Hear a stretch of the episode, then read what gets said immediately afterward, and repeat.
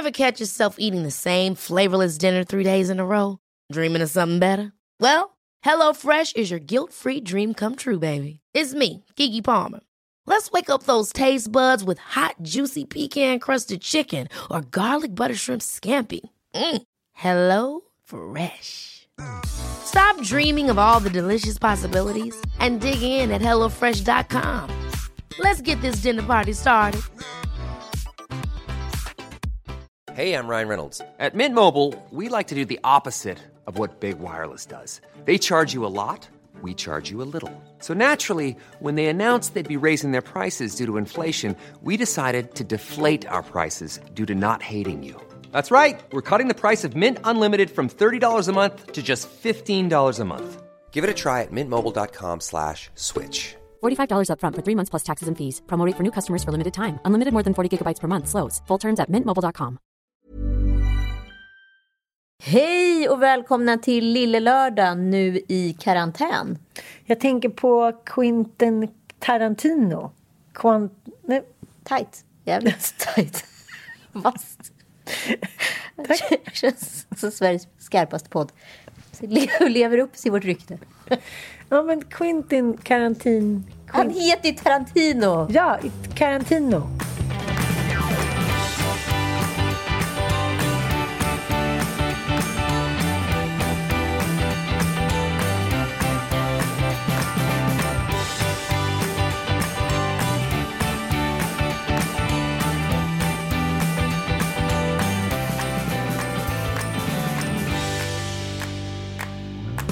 Nu har alla blivit hemmakomiker när de ligger, liksom, ligger på soffan och vill vara lite skojsiga på Insta. Det är som att man, de, många människor hamnar i tonårsträsket igen. Det som vi tyckte var kul, då, så här, bilder på muskulösa snubbar eller tokiga små katter.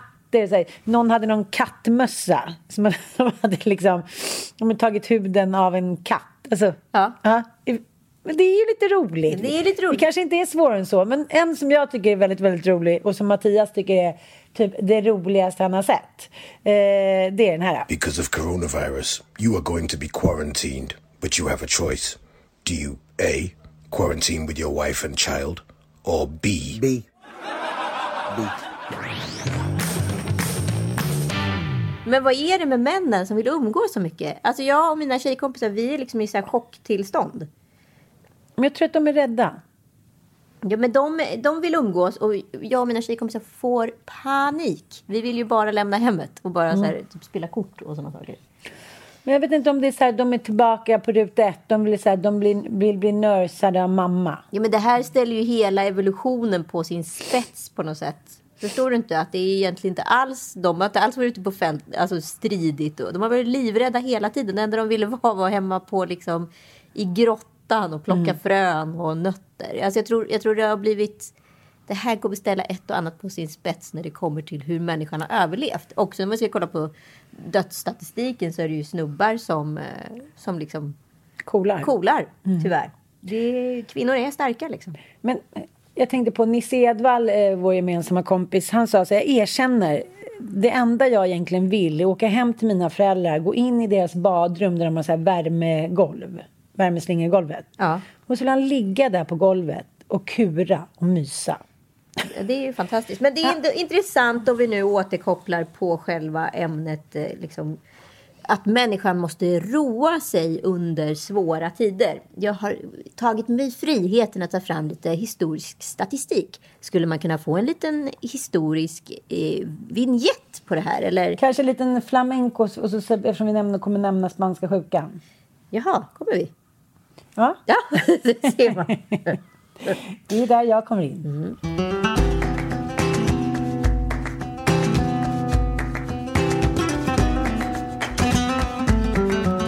Lite underhållningshistoria. Ljudfilmen lanserades 1927, tio år efter första världskriget och stod sig stark genom depressionen och andra världskriget. Hollywoods guldålder varade ju från 1928 till 1949. Under andra världskriget spelades marschmusik på radion och moralhöjande filmer visades på vita duken. Men det var såklart inte förstahandsvalet för varken soldaterna eller civilbefolkningen. Swingen Den lyssnade man på och dansade till trots att bomberna föll. Och Dizzy Gillespie och Charlie Parker var några av musikstenens stora bebop-hjältar. Underhållningens effekter under svårare tider är signifikant. Människan måste roas och njuta. Det är en del av vårt DNA, påvisar Kristina Möller som är ledamot vid Måltidsakademin. Hon vittnar om fullsatta restauranger och teatrar i Sverige under krigsåren. Precis, och eh, spanska sjukan som eh, var en eh, riktigt eh, vidrig liten eh, influensa där eh, runt 1918. Där kan man också läsa att eh, bland annat stockholmaren har aldrig varit ute på fler soaréer och käkat middagar och dansat medan liksom folk bokstavligen liksom dog som flugor. Verkligen. Och det är, jag tycker ändå de här memesen och små filmerna som cirkulerar nu i privata trådar är ett tecken på att vi måste roas och överleva på något sätt. Att humorn kommer rädda oss så många gånger. Men jag har märkt en grej att, jag, att också att de tar väldigt mycket plats när de är hemma. Vi har ju ett vardagsrum, det är ändå typ 32 kvadrat kanske. Där sitter han dagarna ända med sina hörlurar och har viktiga konferenser med när och fjärran, Vad oklart vilka. fan är grejen? Alla din konferenser. Och barnen sitter på sina rum och det liksom och ingenting händer. Om jag är ute på ett möte eller något och kommer hem, då har ingen ätit utan då kommer jag hem med mat. Jag är liksom landsfadern. Du är jägaren. Ja.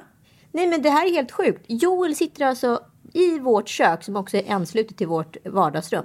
Och jag är liksom förvisad in i sovrummet Mm. och där sitter han och har sina conference call och Mm. som alla då också uppkopplade med skärm hela tiden. Du måste vara tyst om du ska vara här. Du får inte visa dig, inte peka, inte göra någonting. Men, bara men, jag är ju också hemma. Mm. Varför sitter inte han i ett liksom, sovrum eller kontor som ändå tar så mycket utrymme? Jag kan alltså inte röra mig fritt i mitt hem. Håller på att bli galen. nej, men det är för att de har hittat tillbaka till något herravälde i hemmet som de inte haft på länge. Exakt. De, Ja, det är bas, ba, den sista, vad heter det? Bastion, Bastionen. bastionen. Bastion. Bastiljonen. Vi måste ändå eh, gå tillbaka till eh, min serie som jag är så besatt av. Vad är det för serie? Det vet du. Jag ser bara på en serie. Ja. Tiger King. Nej, den ska jag börja kolla på. Men nu har jag ju kollat på The Morning Show. Igen! Nej, men nu har jag sett ja. det sista avsnittet. Men alltså, du vet att du är ett halvår efter alla. Jag vet det, men jag måste ändå säga så Jennifer Aniston, allt är förlåtet. Ja. Jag tycker bara att det är så otroligt roligt. Hur att kan hon... vi inte prata om Tiger King? Nej, men vi pratar om det, men vet du vad som hon gör? Hon, hon, liksom, hon, hon befäster kvinnan som en man. Förstår jag menar? Den nya mannen. Hon, när hon går omkring och får sina sammanbrott. Och, alltså, jag är så stärkt av henne. Jag vill så här, skriva till varenda jävla chef jag haft att så här, fuck you.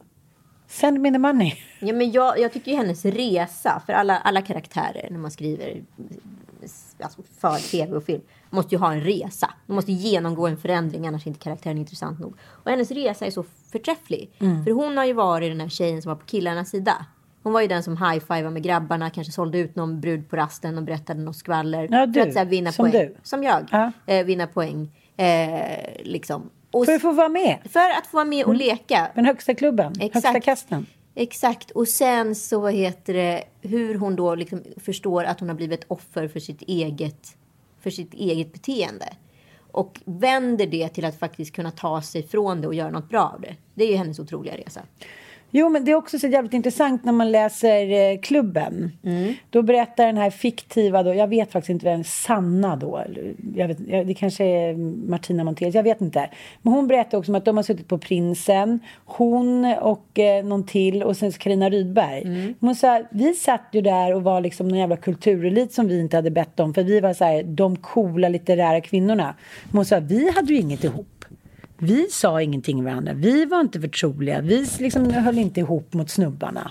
Nej, nej, nej. Så det är det, när man tar den rollen att man vill vara med grabbarna så får man egentligen inte vara med någon. Man nej, är helt ensam. Du är 100% isolerad för du är Precis. inte okej bland tjejerna och killarna skiter egentligen också i dig. Mm, men du får vara med lite för att du så här något gulligt komplement som ändå är lite cool. Ja, det får ju åtminstone killarna se bättre ut. Ja, men du pinkar in dig själv i ett hörn. Definitivt.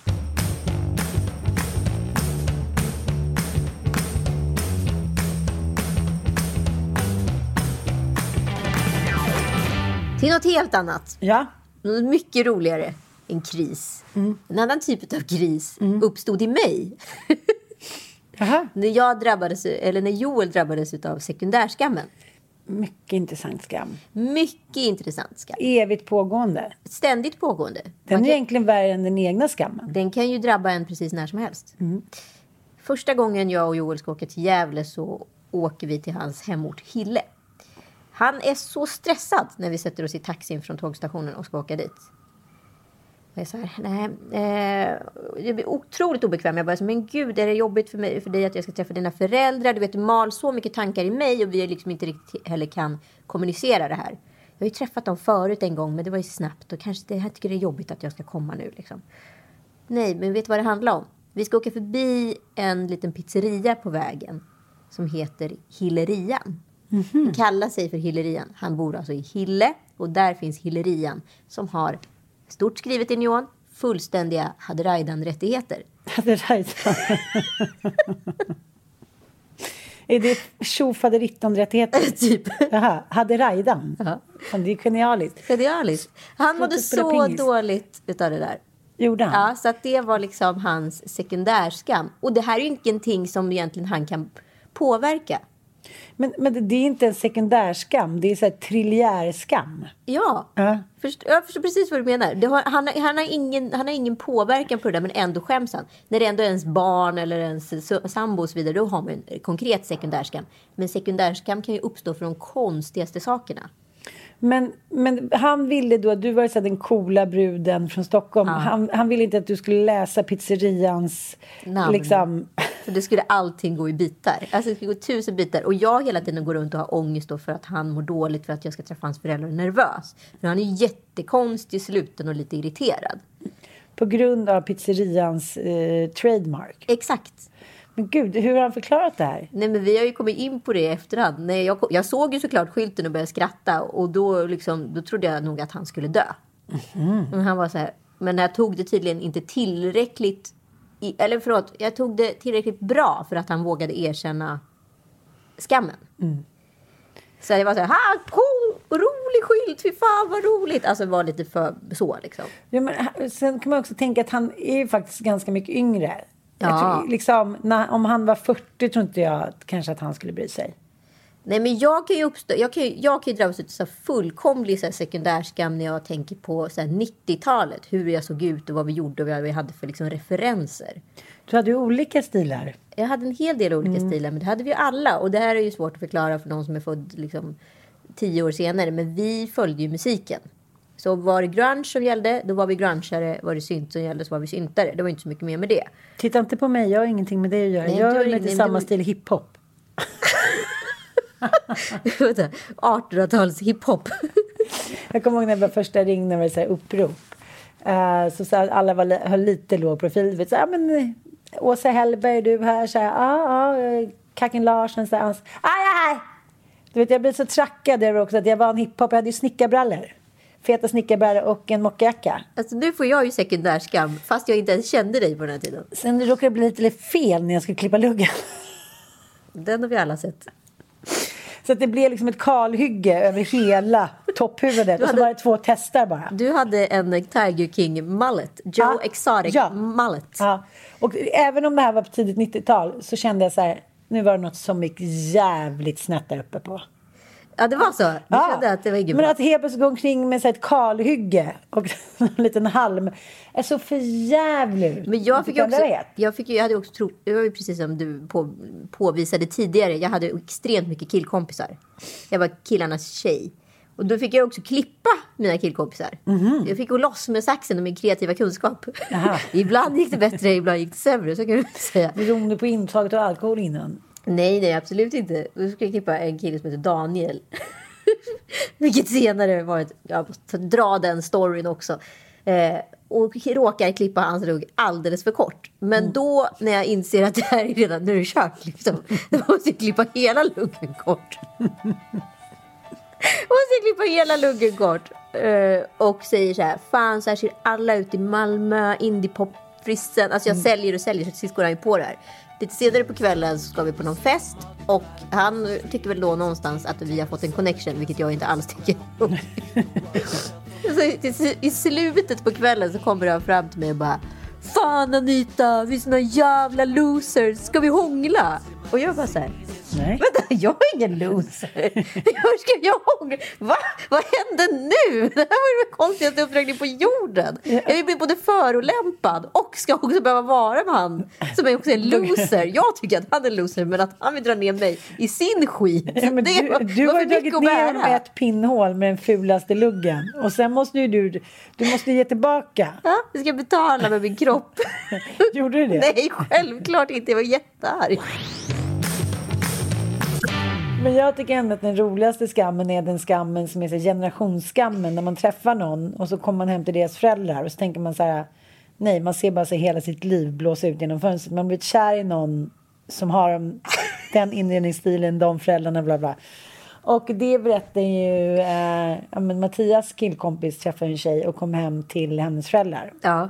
som, in, liksom, som inte hade samma approach som hon hade. Hon hade lite så här it girl approach. Så kom han hem till föräldrarna och pappan satt i långkalsonger och släppte brakare och drog en grogg och liksom. Det, han fick sån panik. Ja. Han kom ut och bara okej, vi måste börja köpa massa inredningstidningar till dig. Du måste gå en kurs typ. Han tänkte så här, här har jag tänkt att jag får liksom the shit. Hon ska så här, ja men han, han har ett stort företag. Hon ska liksom vara den som representerar mig. Ja men som ger mig mer liksom status. Ja. Och så kommer jag hem till de här föräldrarna som är så här, ja men du vet, Fjärt-Janne och liksom Bulle.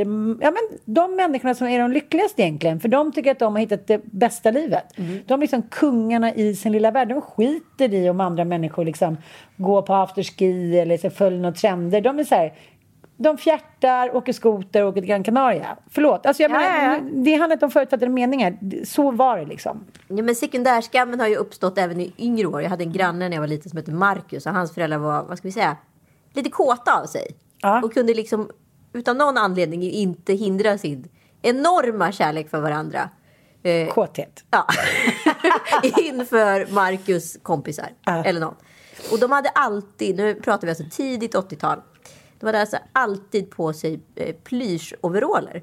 Så Åh nej, och så lite står de- på ja, det. Helt plötsligt står de och hånglar och sen ser man då en resning i, Nej, i plyschoverallen. Och Marcus sekundärskam i det här är så fruktansvärd. Och jag lider med honom. För att jag får liksom sekundärskam för att han sekundärskäms. Förstår du? Det inväxlar. Det där är en svår sekundärskam när de pappa får bånge inför de polarna. tycker så mycket om varandra.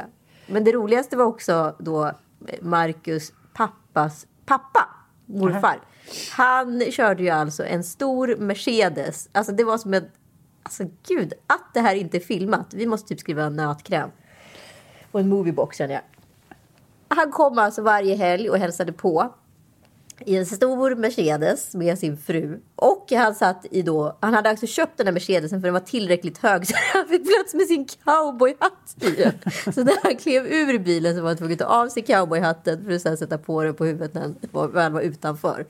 Och det var någon gång när han var lite arg på Marcus pappa som han for in, det är därför jag kommer ihåg det här. Han skulle in i bilen och glömmer då att ta av sig cowboyhatten när han ska in i bilen. Så cowboyhatten får gå sönder. Eller får en så stor spricka på ena sidan. Det är så tä- tätt halm. Ja.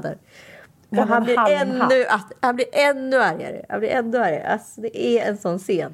Fast grejer som liksom hände på 80 och 90-talet, det är, så här, det är som att vara i ett pågående typ Falcon Crest, fast för Svenne Bananas. Jag hade en kompis, jag ska inte säga hans namn för, att, för det ska jag bara inte. Men jag bodde i Jönköping, där var vi varje dag. De hade alltså en spelhall nere i källaren. Det var bowling, det var spelautomater, det var såna här godis, automater man kunde stoppa i en krona i så fick man en liten godis liksom. Alltså det var en så här fullgod spelhåla där nere. Och så hade de ett furuskåp inne i sovrummet med 2000 porrfilmer. Såklart. Ja, och det var så här, ja, i, liksom, idag hade ju det blivit anmält, alltså det hade inte gått på något sätt. Nej, nej, nej, nej. Det, och jag kommer ihåg Helena av Sandberg var med i, eh, i Sanna som min djävulspodden och berättade att när hon var åtta år då var hon så här då fick pappan hem typ var tredje vecka ett flak med whisky. Ja. Ja men så här under the table typ. Såklart. Ja, och hon stod och gjorde så här whisky sour on the rocks. Ja men precis som du berättar. Hon gjorde det till sin pappa. Hon var liksom riktigt bra på att göra en grogg. Gud ja. Det var ju liksom, det var ju någonting som de så här, ty, typ tog upp som ett litet litet paradnummer Mm. på eh, tipslördagen. Att man kunde blanda en grogg. Men jag tänker också, när man är nyförälskad i någon så har man alltid sekundär skam. Ja. Jag tror att det handlar om att man så bearbetar, att man så här, vill jag verkligen, är det här rätt tid? Nej, jag ska försöka stå emot. Och då är allt fel, frisyren, glasögonen, eller vad det nu handlar om. Alltså allting. Jag tycker alltid att jag tycker att mina snubbar är töntiga i början. Ja, Så här nördiga. Man bara säger men gud, varför är de inte bara så här vinnare? Varför kommer de inte in och tar över? Fast de kanske gör det. Jag, jag hakar upp mig på att folk ska tycka så här, ja inte längre, men du fattar vad jag Nej, men menar. du, såg inte du, eh, har inte du kollat på Gift i första ögonkastet? Jo, jo. Ja, och där pratar de ju om exakt det där. Att man Mm. liksom själv måste då söndra personen. För att man, så här, man måste bryta ner den i små molekyler för att man är så också rädd för att älska sig själv. Om jag söndrar sönder den här personen då betyder det att om den här personen skulle kunna lämna mig då gör inte det någonting för han var ändå en tönt. Jag fattar, alltså man safear och man safear liksom. Men så kan man också komma till eh, väldigt tydliga the point of no return. Ja. När man tänker så här, "Äh, fast fan vad skönt, jag är inte så kär i den här snubben utan jag står fortfarande fri och ledig. Och sen ser jag plötsligt så bara en kväll, en morgon, ett sms senare så är man liksom fast i den där jävla kärlekshärvan. däröver. är det över. Det är intressant för jag kommer ihåg att jag satt i någon podd för typ ett år sedan och gaggade om att så här, vi är så förskonade från krig och plågor och etc. Så att eh, ja, det kanske är dags att få en kris och vi blir lite tacksamma. Och just nu känner jag bara så här, glöm allt jag sa. Jag vill, alltså, alla ville ha krisen förr i tiden. Men nu när vi är i krisen så vill ju ingen ha krisen. Jag är helt okej med små jiddriga små konflikter i sociala medier. Eh, män och Bring it on. och bara så här, allt, ge mig allt jävla jidder, plotter igen. Tillbaka till som livet var för fyra veckor sedan. Så fort det går. Men det, men det är det som vi pratar om, att det finns liksom inget slutmål. Det kan, det kan pågå som den här jävla filmen Måndag hela veckan. Att man vaknar upp varje morgon och ser liksom corona-style. Det kommer bli helt outhärdligt. Gud! Då får man ju flytta till landet och så här börja odla grönsaker. Det finns ju inget annat alternativ. Samhället kommer ju inte kunna hand om alla. Jag, jag tänker också, det, liksom, det är jävligt mycket ödets ironi, mitt, mitt eh, favorituttryck som sker just nu. För att vi är jävligt bortskämda i det här landet. Otroligt. Och jag tänker alla så här, alla som har åkt iväg på någon semester bara varit så här, men vadå, det är ingen fara, jag ska bara åka på semester bara. Så sitter de fast där, vad det nu handlar om, i Indien eller i Spanien och så här, kom och hämta mig, kom och hämta mig med det där planet som regeringen har. Nu det Nu jävligt... måste ni fixa det. Men nu är det ingen som fixar det, du måste fixa det själv. Ja, det är det som är den stora skillnaden. Ja, och jag tänker på den där, Vi växer upp med det här. jaha, vi måste Vi göra växer det. upp som art och individ. Jag tänkte också på den här fartblindheten. Jag kommer ihåg förra året i april så bara så här, jag och Joel spontant checkade in på ett hotell en helg, bara hade det göttigt. Ja men du vet, nu vänder man på varenda krona liksom. Och så här, allting måste så här, millimeterkalkyleras för att säga jag har ingen säker, jag är precis som du. Vi är ju frilans, vi är konsulter, vi jobbar på uppdrag liksom. Det är ju det är ju inte så att det finns någon a-kassa som sitter där för oss och väntar.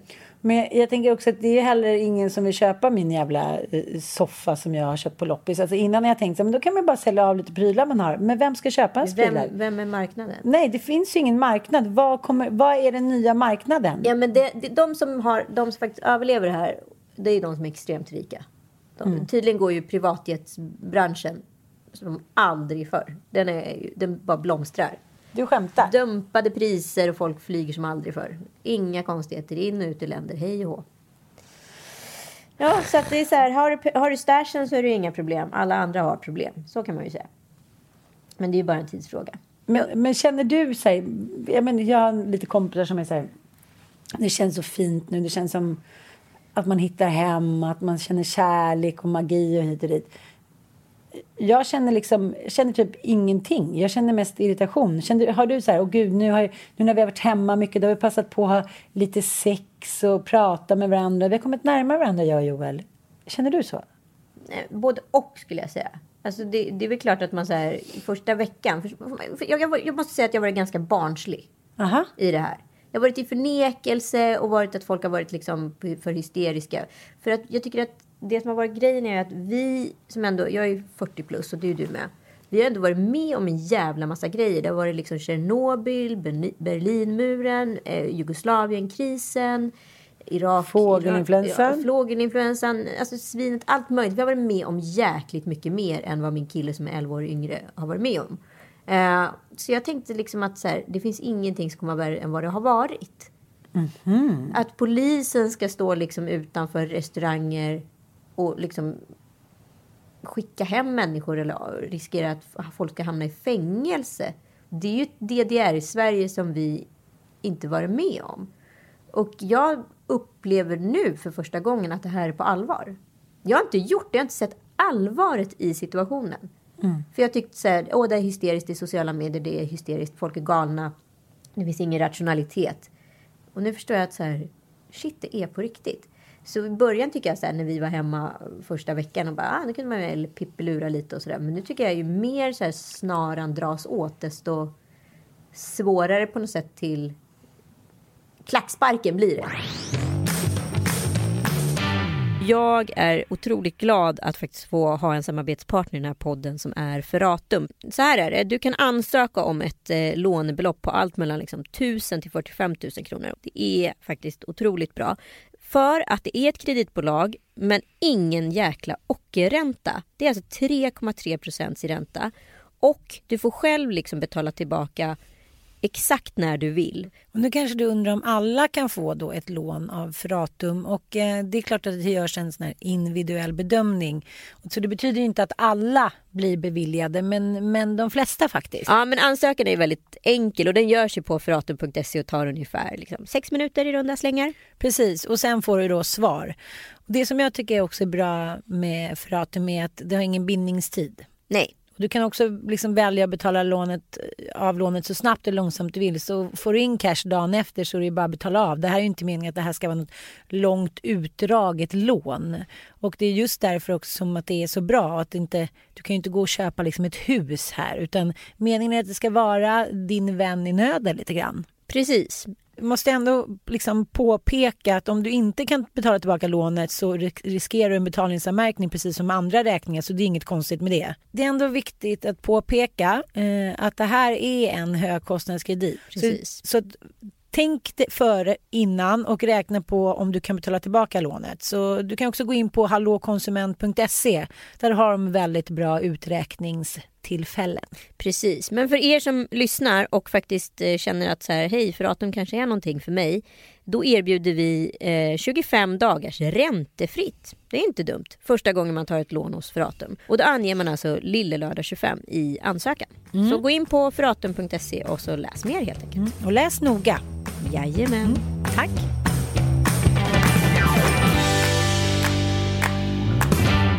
Jag har känt det där de senaste dagarna att, här, att ja, men när man vaknar upp och här, har ångest och tänker så här, gud hur ska jag lösa det här och hur kommer det bli? Men, men jag är ju alltid lite sen. Men, men jag känner också att det börjar liksom... Som en morning show. Du kommer Precis. på det ett halvår senare. Ja.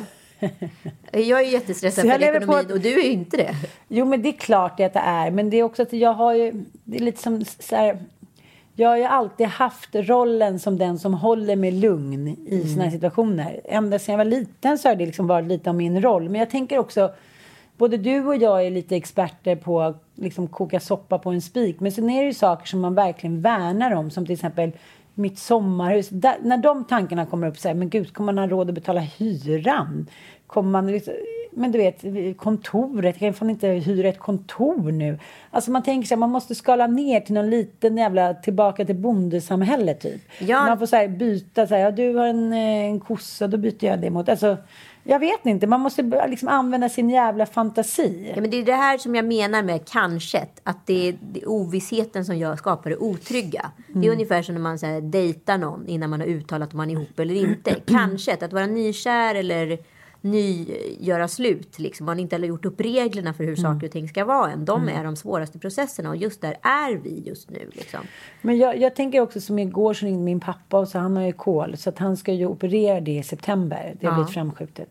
Och då måste han ligga kvar på sjukhus i minst två veckor för det är en superallvarlig eh, operation. Och då tänker jag så här, tänk om inte jag får åka och hälsa på honom då? Men det är det som sker. Då blev det så här, men det kommer jag ju förmodligen inte få göra. Jag kommer liksom inte, alltså han kommer kunna dö ifrån mig utan att jag kan säga farväl. Den är helt vidrig. Man kommer inte få ha begravning. Alltså, jag tycker ingenting av det du och jag har varit med om ens i närheten av det här. Nej. Och det börjar liksom, det börjar närma sig. Stundens allvar. Mm. Och det är ju precis det. För jag är också... Jag tänker hela tiden att det ska komma tillbaka. Allting ska bli som vanligt igen. Men det kommer det ju inte bli. Vi kommer tillbaka till ett brutet samhälle. Mm. Och sen är ju vi, kan ju vi vara glada på många sätt att vi jobbar digitalt och så vidare. Men, så att det kommer alltid kunna uppstå arbetstillfällen. Men hur kommer tarifferna se ut? Alltså allt är ju omkullkastat. Men, men jag tycker också att allting blir lite mer könlöst. Jag, men, jag pratar med massa kompisar som bor i USA. De är så här, oh God, eh, I, I, I gained so much weight. Alltså att man är så här, jaha, vad ska vi göra? Spelar och spelar någon roll om liksom, man är helt perfekt och har en perfekt ruta på magen? Spel, liksom, egentligen spelar ingenting någon roll så länge man överlever ju. Nej, och jag har en kompis som är eh, skådespelerska och bor i New York. Hon skickade upp ett, en bild på sig själv och hon är fullständigt söndergråten och sen så help frågetecken som överskrift. Och det står ju så här. Det känns lite konstigt att po- posta det här men min teater har stängt ner och alla har fått sparken. Och den eh, serviceyrket, eller serviceindustrin som jag har jobbat i för att tjäna lite extra pengar har också stängt. Så jag har absolut inga pengar och inreseförbud till Sverige. Hon swish-tigger nu liksom. Mm. Du swishade tusen spänn fast i fel nummer. Det var ju Ja, smart. det var inte så bra. Jag hoppas att någon barmhärtig person Du som fick tusen kronor och ett älskling av Anita Schulman igår. Sen swishade jag henne också. Men en grej tycker jag ändå är så jävla spännande med människans mentalitet. För vi kan inte, vare sig vi liksom är i krig eller liksom är i utsatthet så kan vi inte bara leva i den här misären 24-7. Nej. Som jag var nere och köpte värmeljus och ljus på Åhléns. Och då sa jag så här, hur, ja, hur har ni det då? Man försöker ändå vara lite så här, mm, gullig. Hon bara, det varit så jävla mycket då. Det var den 25. Ja. Löning. Ja. Liksom, det går inte. Då måste vi ut. Vi är inte svårare än så. Det måste ske någonting som kan göra att vi så här, pallar några dagar till. Liksom. Och då är ändå vi jävligt, jävligt förskonade. Men jag tänker också på eh, det här med eh, 70-talskläderna. Men Jag tänker så här. Eh, Susanne Ljung skrev en krönika om så här, om man ska tänka klart i dessa tider så kanske man liksom, då kanske inte mjukisdräkt ändå är det bästa plagget. Hon menar så här, man får liksom, man får hålla sig stringent, man får så här, hålla sig fräschör, man får klä sig liksom classy för att så här, hålla huvudet högt typ, var hennes andemening i krönikan. Då tänker man jävligt mycket på eh, Anders Tegnell, Trygg-Anders, som jag låg och tänkte på i morse när jag vaknade. Tegnell-effekten. Ja, Tegnell-effekten. Han kör ju på som att han direkt kommer från sommarstugan 78. Nej men han ser ut Någon som vilken svensk förbundskapten som helst skulle jag säga. Nej, vad fan, de har ju skärpt till sig. De har ju varit sponsrade av Men Acne och fan när Lasse. Lagerbäck satt på bänken där fortfarande i mysdress liksom. Ja, men, jo, jag, jag är lite efter där. Ja. Men han, han är ändå den som vi står och faller med just nu. Han är liksom den Jag som... skulle inte vilja vara Anders Tegnell. Det kommer ju inte bli bra efter. Nej, det finns jag- alltid hjältar under krisen som alltid blir, eh, blir giljotinerade sen. Men jag tycker ändå så här att han kör sin stil. Ja, absolut. Om den är bra eller dålig. Nej, men det- jag kan ändå tycka så här, ska man vara en sorts landsfader så är det ändå trevligt. Det är trevligt när italienska förbundskaptenen sitter i en Armani-kostym. Det är tror- trevligt. Vet du vad jag tror? Att jag har en crush på Anders. Ja, kanske. Men jag tror inte...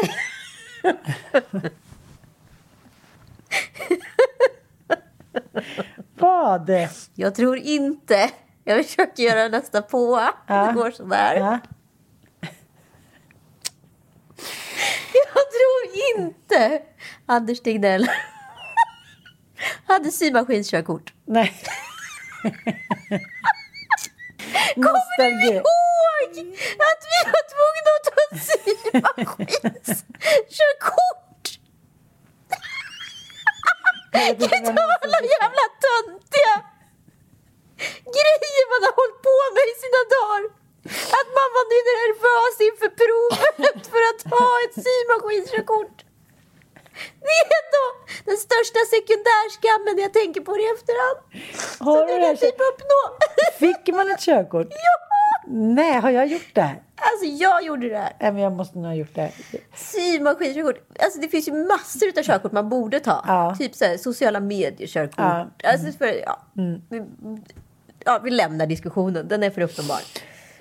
Ja. Men, men liksom symaskinskörkort. Jag vill att du ska ta fram det och visa mig det om du har kvar det. Jag har tyvärr inte kvar det, men jag kom på det häromdagen. Tråd-Hitler hette ju vår... Varför heter de alltid Nej, men- Jag hade Bo- träsko-Hitler Ja. i träslöjd. Bobby Bög hette vår gympalärare. Alltså helt otroliga smeknamn. Det skulle aldrig Han gå skulle idag. alltid kolla... Nej, alltså hans favorit var att han skulle kolla att killarna hade kalsonger på sig. Som att, som att det var av största vikt.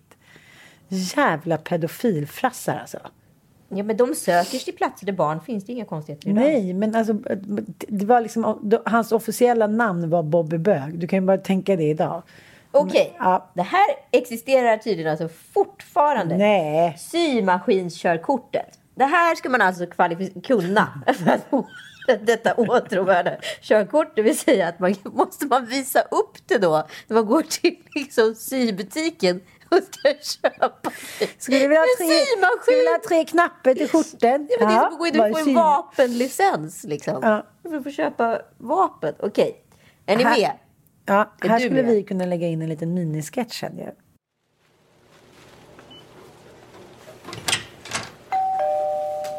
Ja, god dag. Vad får det lov att vara?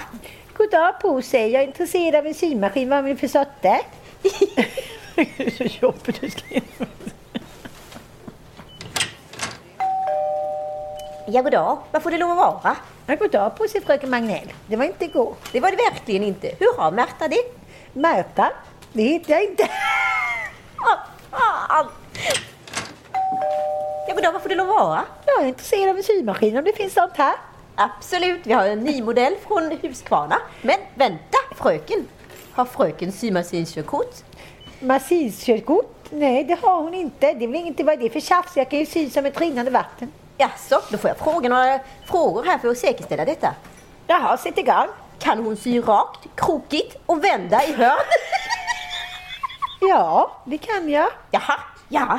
Det låter som att du klarar det här. Då är du välkommen att köpa symaskinen. 18 385 kronor, tack. Tar du check?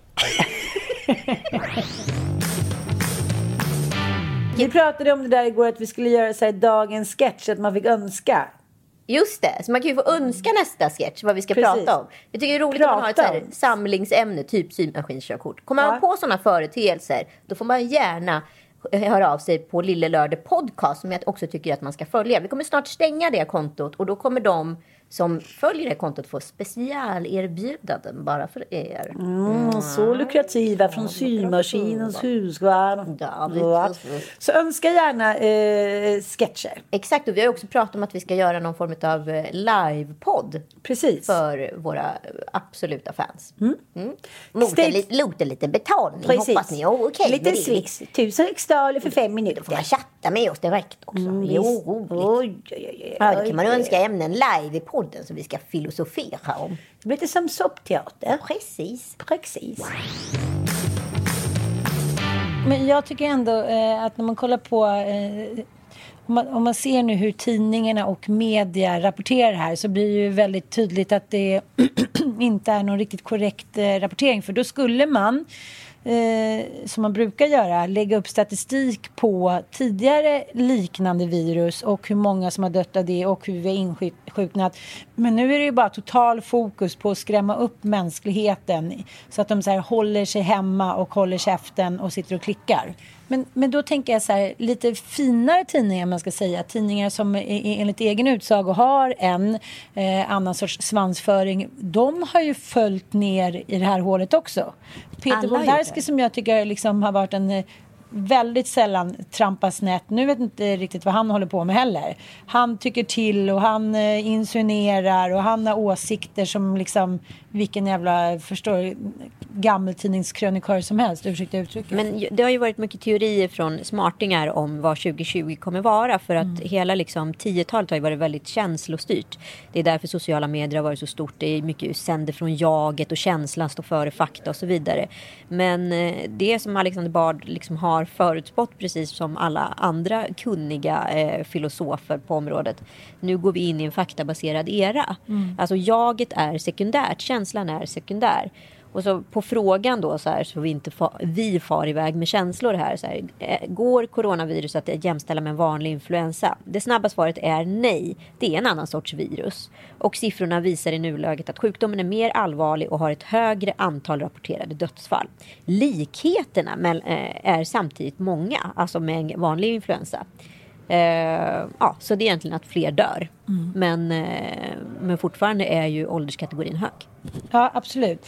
Och eh, det är också att varje enstaka fall blir ju första sidestoff vilket gör att man pumpas med den här liksom skräckinformationen. Jag tänker så här, det bästa vore kanske att ta eh, en dags paus från medierna och eh, det är också så här om vi ska ta bort bladet från munnen. Psykisk ohälsa eh, gynnas ju inte av det här utan människor som redan mår dåligt eh, lider av tvångstankar eller eh, stresssyndrom. Det kommer inte bli lättare för dem av att ständigt matas med det här. Jag är jävligt orolig för hela eh, vad som kommer hända med psykvården och människors hälsa. För fan, det här kommer ju... Ja. Nej. Ja, men intressant är ändå att eh, Niklas Arnberg, professor i virologi vid Umeå universitet, han varnade för den här pandemin redan i november men fick liksom inget liksom gensvar från riksdagen. Han var alltså och höll ett anförande om det här och eh, inte speciellt mycket hände. Vi kan lyssna vad han hade att säga i Efter Malou. Det finns en väldigt bra artikel om det här på svenska. Det här var någonting som ni var rädda för och önskade att man skulle ha beredskap för. Precis. Det här är egentligen någonting som WHO har varnat för sedan ungefär två år tillbaka. Då tog man fram en så kallad blueprint, R&D Blueprint Priority Diseases. Det är en lista som innehåller tio stycken infektionssjukdomar som WHO anser utgör ett allvarligt hot mot folkhälsan. Mm. Men det som är intressant här är att nio stycken av dem orsakas av virus, de här infektionssjukdomarna. Lassafeber, det är eh, ebola det är eh, Krim-Kongo blödarfeber eh, med flera. Det som är intressant är att man namngav den tionde till Disease X, det vill säga sjukdom nummer 10. Och man ansåg då att det här är namnet på en sjukdom som vi inte riktigt vet vem den, vilken den är. Den kan komma någonstans från djur, korsa artbarriären, angripa människor, börja spridas mellan människor, infektera människor och göra stor skada hos människorna. Idag vet vi att sjukdomen kan kallas för covid-19, det vill säga coronavirus infectious disease 19. Så det gäller ju verkligen att, eh, att våga vara kritisk i de här lägena. Ja, och det här blir så konstigt. Vi har lagt upp en ganska liksom, lång story med liksom, alla de här motionerna och fakta egentligen. Fakta, fakta, fakta staplat på varandra. Det här är liksom eh, Folkhälsomyndigheten och det är eh, forskare som pratar ut och liksom allt har källa och så vidare runt omkring sig. Men ändå reagerar så många med ilska mm. när jag skriver om det här. Mm. Som att säga, du blir din läst, din jävla influencer. Man mm. bara så här, fast det handlar ju inte om det. Jag bara försöker så här, hej människor, ni måste börja tänka rationellt. Ni måste så här summera saker e-, på egen hand. Liksom. Eh, det går inte att eh, vara, vara fångad i en värld av så här, klickkänslor. Nej, men jag fattar, men samtidigt så kan jag förstå lite så här. Alla kommer med motstridiga fakta. Jag tänker på en sån som Agnes Wold. Verkligen. Som nu liksom, jag förstår det här. Det här är så här, Agnes Wold är plus 70 år. Det här är hennes, hon vet att det här är hennes sista stora liksom, scensättning. Hennes, liksom, det här är det hon kommer bli ihågkommen för. Alltså, det finns ingenting hon inte har uttalat sig om. Och jag tänker på ord som kommer i den här coronatiden. Jag tänker så jävla mycket på henne, beskäftig. Beskäftig, precis. Ja. Men jag är också så fascinerad av så Anders Tegnell som ändå går in och säger så här, när allsvenskan kan starta igen. Alltså, alltså att de har svar ja, på allt. Ja, men det, är för, men det är för att människor är så himla himla oroliga och vill bara, även om det inte är på riktigt eller inte kommer bli så, så vill man ha någonting och liksom hålla sig, klamra sig fast vid. Och det är jag tror ändå att det är psykologiskt rätt, även fast det är fel om du förstår mig. Ja, men jag tycker det är jättekonstigt när regeringen går ut och håller liksom typ en presskonferens och sen så går Anders Tegnell ut två minuter senare och håller en egen presskonferens. Det är och då, konstigt. Då har vi liksom liksom så här, vad pratar vi nu? Pratar vi fakta eller maktfullkomlighet? Kan vi själva se skillnad på det? Nej, jag tror inte heller att de kan det. Och jag kan förstå också så här, vi i Sverige är heller inte så vana vid att stå i rampljus på det här sättet. Jag tror USA till exempel eller Ryssland där det har varit maktfullkomlighet där kanske de är vana vid att människor lyssnar på dem. Tänk dig själv att, att vara i det här ändå lilla, jämförelsevis lilla landet Sverige och helt plötsligt så lyssnar hela världen på vad du säger. Det går nog snabbt. Det roliga är ändå Jimmy Åkesson. Vad fan ska han göra nu? Ska han åka ut till Bromma och dela ut liksom pamfletter så här? Ni stockholmare kommer inte in. För det där tycker jag är jävligt läskigt det som har hänt nu med att man, vi då uppmanas att inte åka till öar till exempel, till Gotland. Att nu blir det här liksom man måste, måste mot alltid, dem. Ja, så nu blir det vi mot dem inom Sverige. Mm. Det finns alltid, måste alltid finnas en främlingsfientlighet i kristider. Ja men så är det ju. Men också så här, det som är så intressant när jag tänker väldigt mycket på Harari, eftersom jag älskar honom som eh, forskare och hans teorier och eh, idéer om mänskligheten och mänsklighetens historia. Att allt är ju en chimär. All, det blir ju aldrig så tydligt som nu. Alltså lagar, det är ju saker som vi har hittat på. Regler, ekonomi, ekonomiska system. Alltså det, vi har ju varit, liksom, människan är ju tvingad in att stå i led. För annars så blir vi bara apor, sitter och runkar och, och liksom äter från buskar och eh, sover hela dagarna. Men det är väl där vi hamnar om några månader i och för sig. Ja, antingen är det ju det, eller så är det liksom upprätthållandet utav staten. Förstår du? Staten är ju skapad utav människan för att få ordning på samhället. För när det är över vad är det, 300 invånare i en by, då måste en stat uppkomma, för annars blir det galenskap. Det är ju, annars blir det anarki. Men kommer vi gå åt det anarkistiska hållet, eller kommer det bli ett super, eh, liksom, vad ska jag säga, Diktatoriskt. diktatoriskt system? Men, men det som nu som upprätthåll är ju en diktatur för att vi måste hålla liksom, ordning på, på samhällsmedborgarna. Det är ju inte längre demokrati. Nej, nu är ju polisen inne in, Precis. här. Det är är demokratiskt på det sättet att liksom i slutändan det landet som har minst människor som har dött har vunnit. Det är ju någon form av demokrati. Annars skulle ju vi bara låta gamlingarna dö och inte offra dem för marknaden så att säga. Men samtidigt så är vi ju en totalitär diktatur nu för det är liksom det är en person, två personer typ som bestämmer allt. Just det. Så det är jävligt spännande att vi, Ja. vi Men det här allt- blir ju nästa steg. Alltså så här, all typ av statsmakt. Där kommer ju militären, eller vad jag ska säga, det militära att kliva in när samhället, samhällets medborgare inte spelar med makten. Och trots att Stefan Löfven har gått ut och sagt så här ajabaja. Så vad är det jag träffar på gymmet? Vad är det jag träffar på bagerier? Vad är det jag träffar på konditorier typ två dagar efter detta? Jo, pensionärer, 70 plus och så vidare. Men sen ska vi inte glömma bort att 70 plus idag, det är Thomas Ledin. Det är inte vad vi ser när vi visualiserar en gamling. De känner sig ju inte som 70 plus. Nej, de känner sig som typ 45. Exakt. Och jag förstår att det finns en konflikt här. Eh, och då, om inte någon... Vi, hela samhället jag jobbar ju just nu för att de ska överleva. Och de har ingen ambition av att överleva. Och jag kan tycka att det här är en intressant diskussion i sig. Någonstans måste det ju vara under personligt ansvar. Ja. Och om jag hade fått vara, om jag hade varit 80 år idag, det är jätteradikalt. Om jag hade varit 80 år idag, det kan jag ju säga nu med mitt tidsperspektiv nu, det kanske inte gäller när jag är 80. Och få välja att så här, offra mig för att rädda mina barn alla dagar i veckan. Alla dagar i veckan. Ja. Ja. Så jag, jag, det- för mig är det så intressant att bara så förstå varför de är såna jävla små anarkister, 70-plussarna. För att de är 40-talister. För att de aldrig behövt kämpa för någonting. De har bara haft liksom en guldsked i munnen hela sitt jävla liv. Och de tycker inte de behöver göra det nu heller. Är det så? Det är min teori. Ja, intressant. Jag hör gärna fler teorier på det här, så det är bara att höra av sig. Jag har tänkt väldigt mycket på en intressant klädstil som man inte riktigt har tagit på allvar. Omfamnat. Ens omfamnat eller ens lablat. Och det här kanske låter lite elakt. Och det kanske det är. Må så vara. Ska vi ge lyssnarna en ledtråd?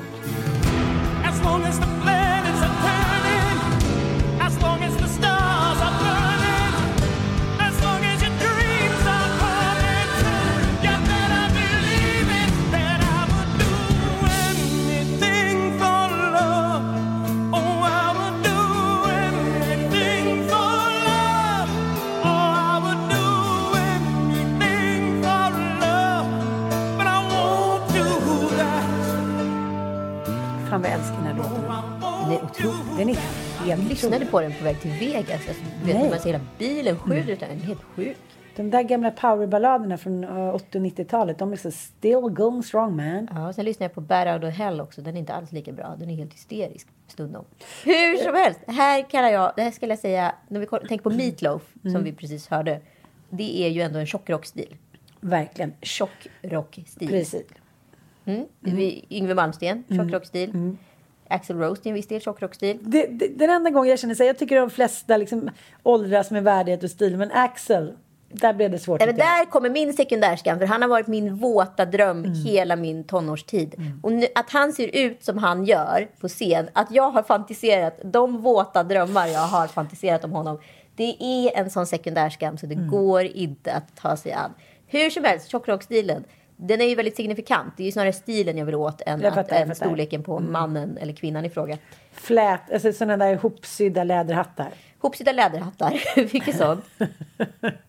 Men också väldigt mycket långa, eh, liksom lite trasiga tröjor och skjortor. Ja. Som täcker denna... Men det är inga billiga tröjor och skjortor. Nej, nej, nej, nej, nej, nej, nej, nej. Och sen så väldigt smala, byx, eh, smala byxor. Mm, smala ben överlag. Smala De har ben. rökkroppar Ja, det är ju köttbulle på tändstickor. Liksom. Så en liten oliv på knoppen där. Det är mycket så här skivbolagssnubbar. Ja, skivbolagsluckor, tjockrocksstilen. Hur som helst. Ingen, ni håller inte på att förakta någon. Vi, bara, vi försöker prata om en stil här. Folk får bli arga, jag skiter i det. Eh, det vore intressant att sätta tjockrocksstilen i ett annat sammanhang. Dalkulle. Nej. Du ska jag säga några namn här Ja. kända män som du ska potentiellt tänka att de skulle kunna ta sig an tjockrocksstilen. Mm. Göran Persson. Mycket bra. Eller hur? Han skulle kunna ro hem den riktigt bra. Alltså latten. Alltså lilla hatten. Alltså, lilla hatten. Lilla Ja, ja. hatten.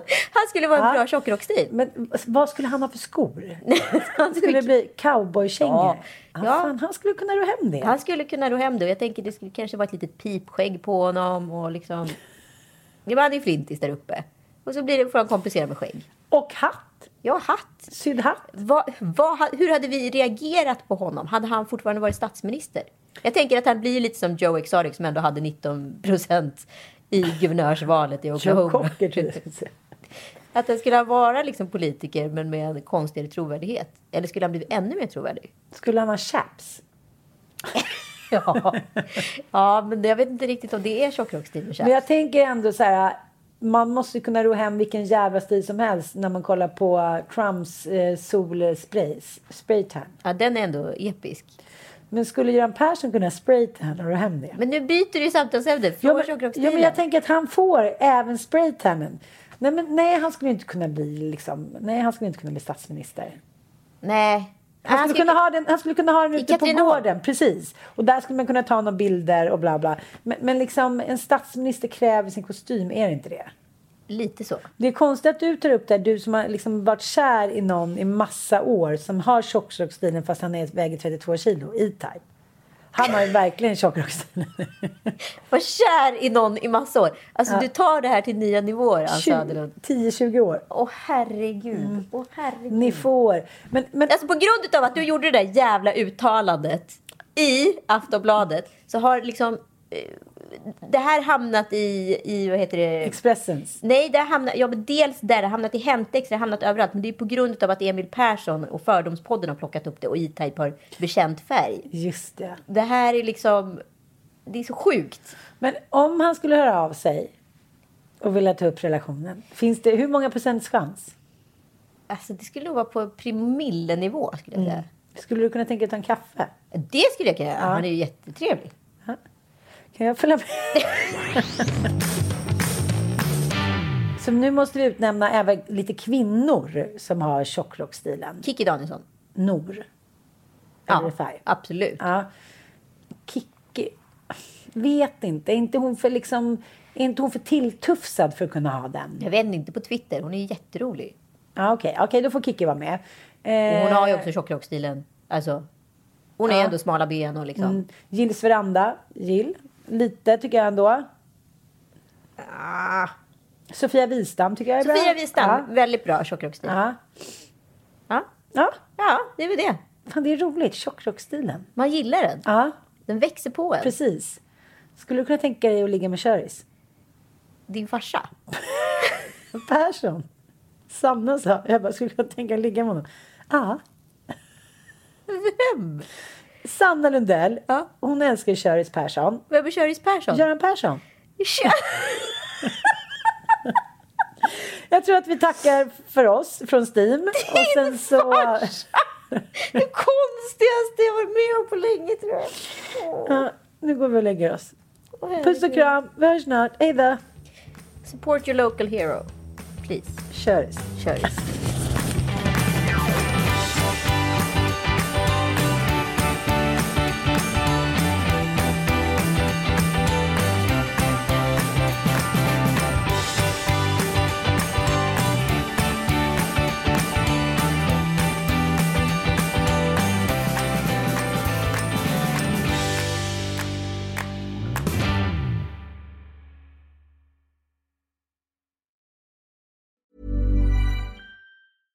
Ever catch yourself eating the same flavorless dinner three days in a row?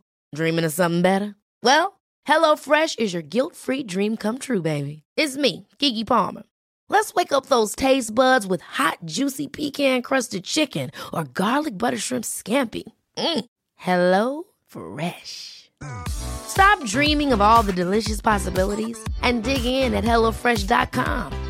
Let's get this dinner party started. Hey, it's Paige DeSorbo from Giggly Squad. High quality fashion without the price tag. Say hello to Quince. I'm snagging high-end essentials like cozy cashmere sweaters, sleek leather jackets, fine jewelry, and so much more. With Quince being 50 to 80% less than similar brands. And they partner with factories that prioritize safe, ethical, and responsible manufacturing. I love that. Luxury quality within reach. Go to quince.com slash style to get free shipping and 365 day returns on your next order. Quince.com slash style.